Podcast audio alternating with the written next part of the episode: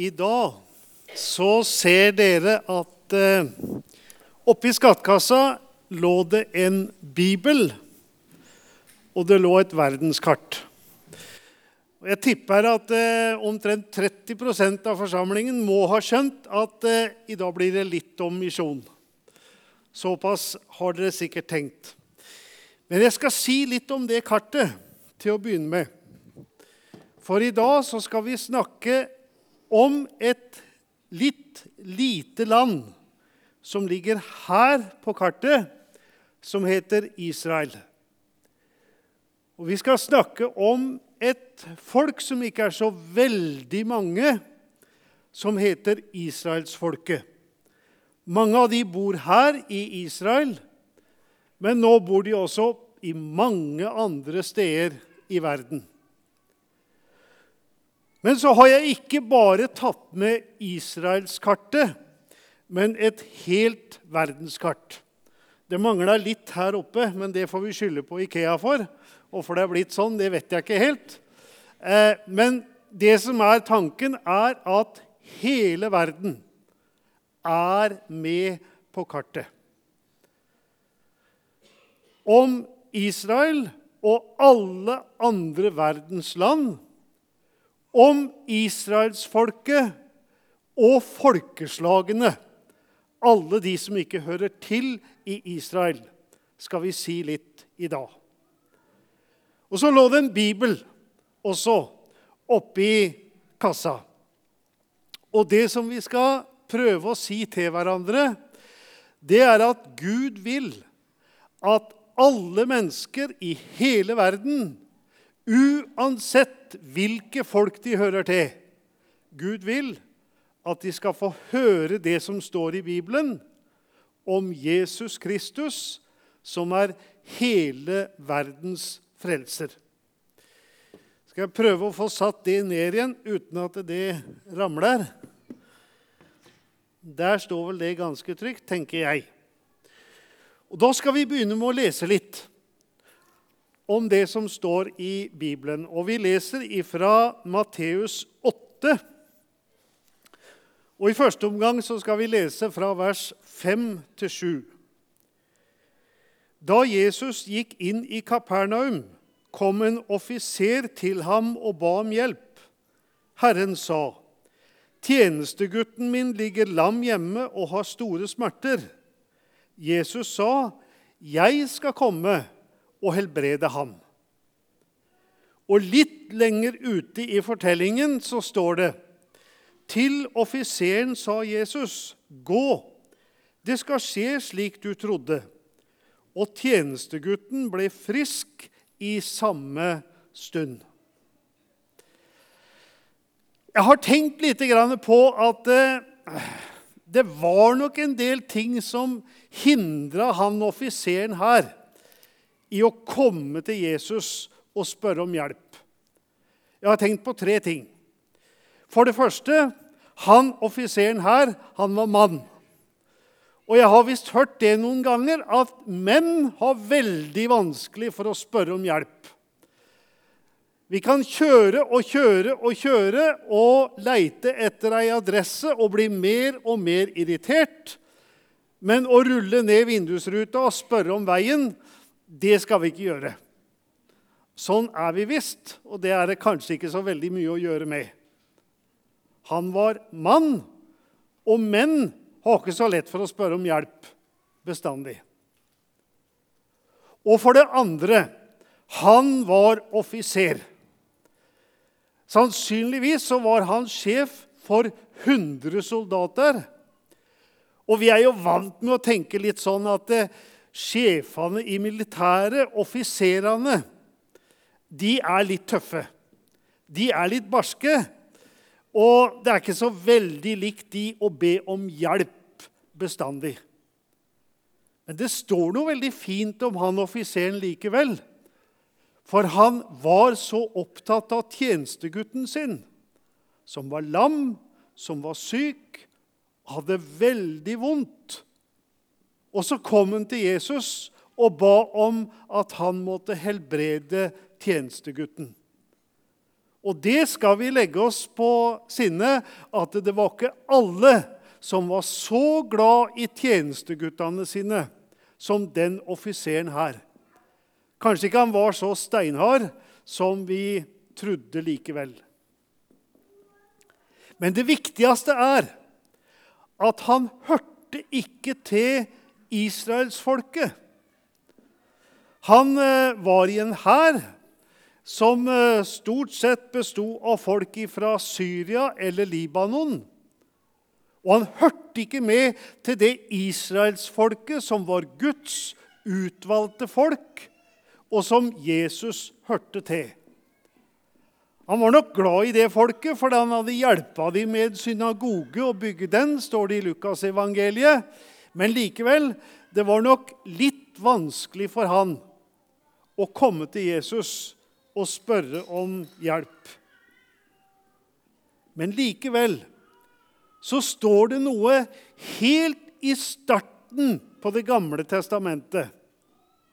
At Jesus han vil at alle mennesker skal oppleve at Gud er god, og oppleve Guds barmhjertighet. For hvis vi kan si at israelsfolket ble grunnlagt i og med Abraham, en mann som hadde levd lenge, lenge, lenge, lenge før det her skjedde, så står det Abraham skal bli et stort og mektig folk, og i ham skal alle folkeslag på jorden velsignes. Så det at alle skal få høre evangeliet, det var de vant med å tenke. Men så sa Jesus om seg sjøl.: Jeg er ikke sendt til andre enn de bortkomne sauene av Israels hus. Jesus tenkte sånn at så lenge han var her i verden, og så lenge han gikk her på jorda, så skulle ikke han gå til andre enn de som hørte til israelsfolket. Så det var egentlig litt modig gjort av offiseren å komme til Jesus og be om hjelp. Og når vi leser litt videre, så skjønner vi det. At eh, han tenkte på at han hadde bedt om noe veldig stort. For da Jesus sa 'Jeg skal helbrede gutten, jeg skal komme og helbrede han', så står det offiseren svarte, 'Herre, jeg er ikke verdig til at du kommer inn under mitt tak.' 'Men si bare et ord, så vil tjenestegutten min bli helbredet.' 'For jeg står selv under kommando av soldater under meg.' 'Sier jeg til én, gå, så går han,' 'og til annen, kom, så kommer han.' 'Og til min tjener, gjør dette, så gjør han det.' Jesus undret seg da han hørte dette, og han sa til dem som fulgte ham, Sannelig, jeg sier dere, en slik tro har jeg ikke funnet hos noen i Israel. Hva var det som kunne gjøre at Jesus ville hjelpe offiseren og hjelpe tjenestegutten til offiseren? Jeg tror det var noe som Jesus visste. Snart så skal det komme ei tid der alle skal få høre evangeliet. Snart så skal Jesus si til disiplene sine, 'Gå ut i all verden.' Ikke bare Israel, men all verden. Og jeg er sikker på Jesus gleda seg veldig til at det skulle skje. Han så så fram til at det skulle hende. Og dere kjenner igjen litt av den følelsen der. Hvis det er noe vi gleder oss veldig til, så kan vi være så sprekkeferdige av spenning at vi nesten ikke klarer å vente. Jeg tror det var nettopp det som skjedde her. Jesus fikk så vondt av tjenestegutten. Han blei så glad i den herre offiseren som ikke hørte hørte til hans folk, at han klarte ikke å vente. Han gjorde en velgjerning, sånn at tjenestegutten blei helbreda. Men vi Nå er vi midt oppe i den tida der det som står i Bibelen, skal forkynnes over hele verden. Ikke bare i Israel, ikke bare i Oslo, ikke bare i Norge, men i hvert eneste land. Nå lever vi midt i den tida her. Og vi har fått det oppdraget å forkynne evangeliet for alle folkeslag.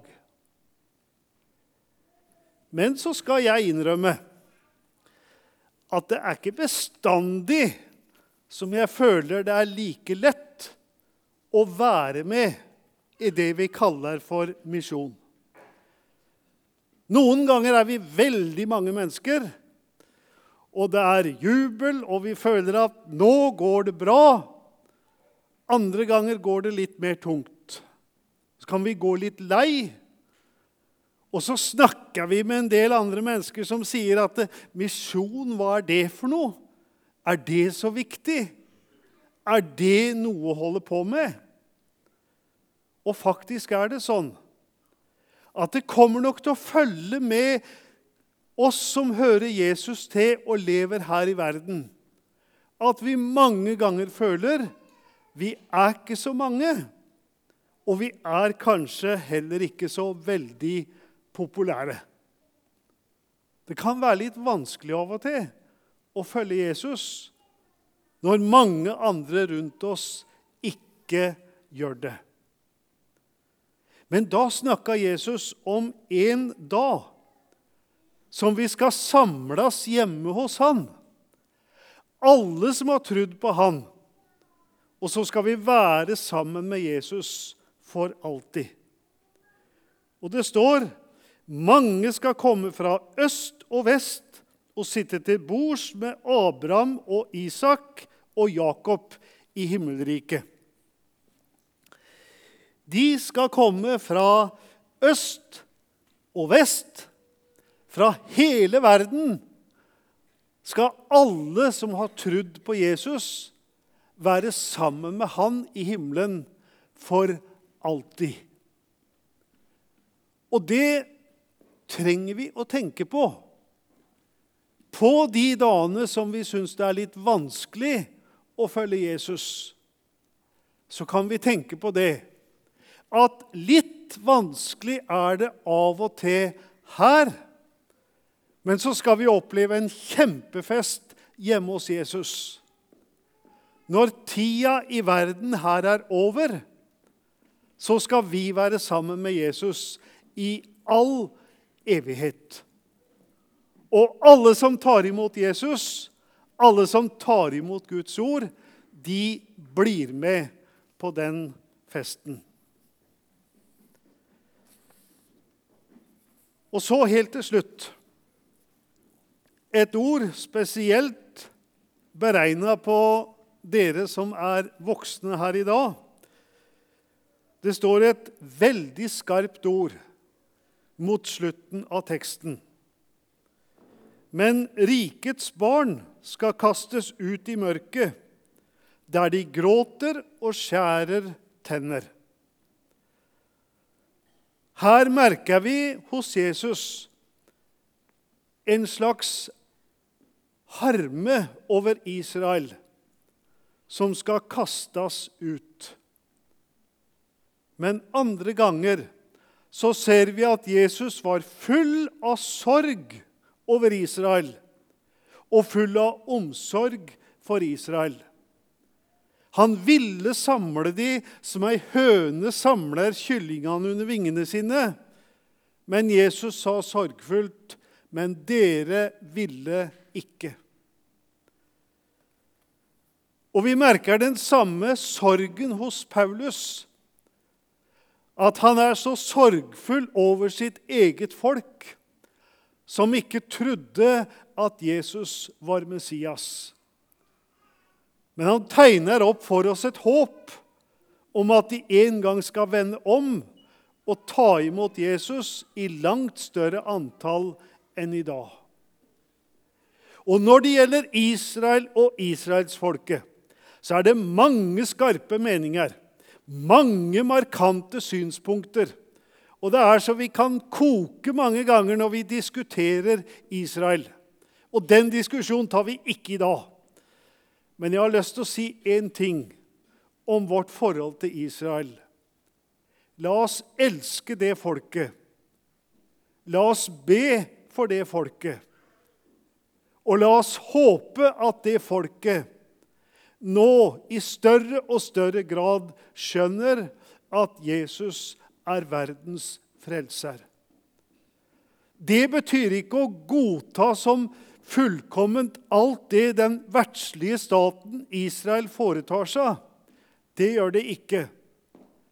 Men kjærligheten til Israel og håpet om at de må ta imot Jesus, det er noe som alltid må følge Guds folk i hele verden. Amen.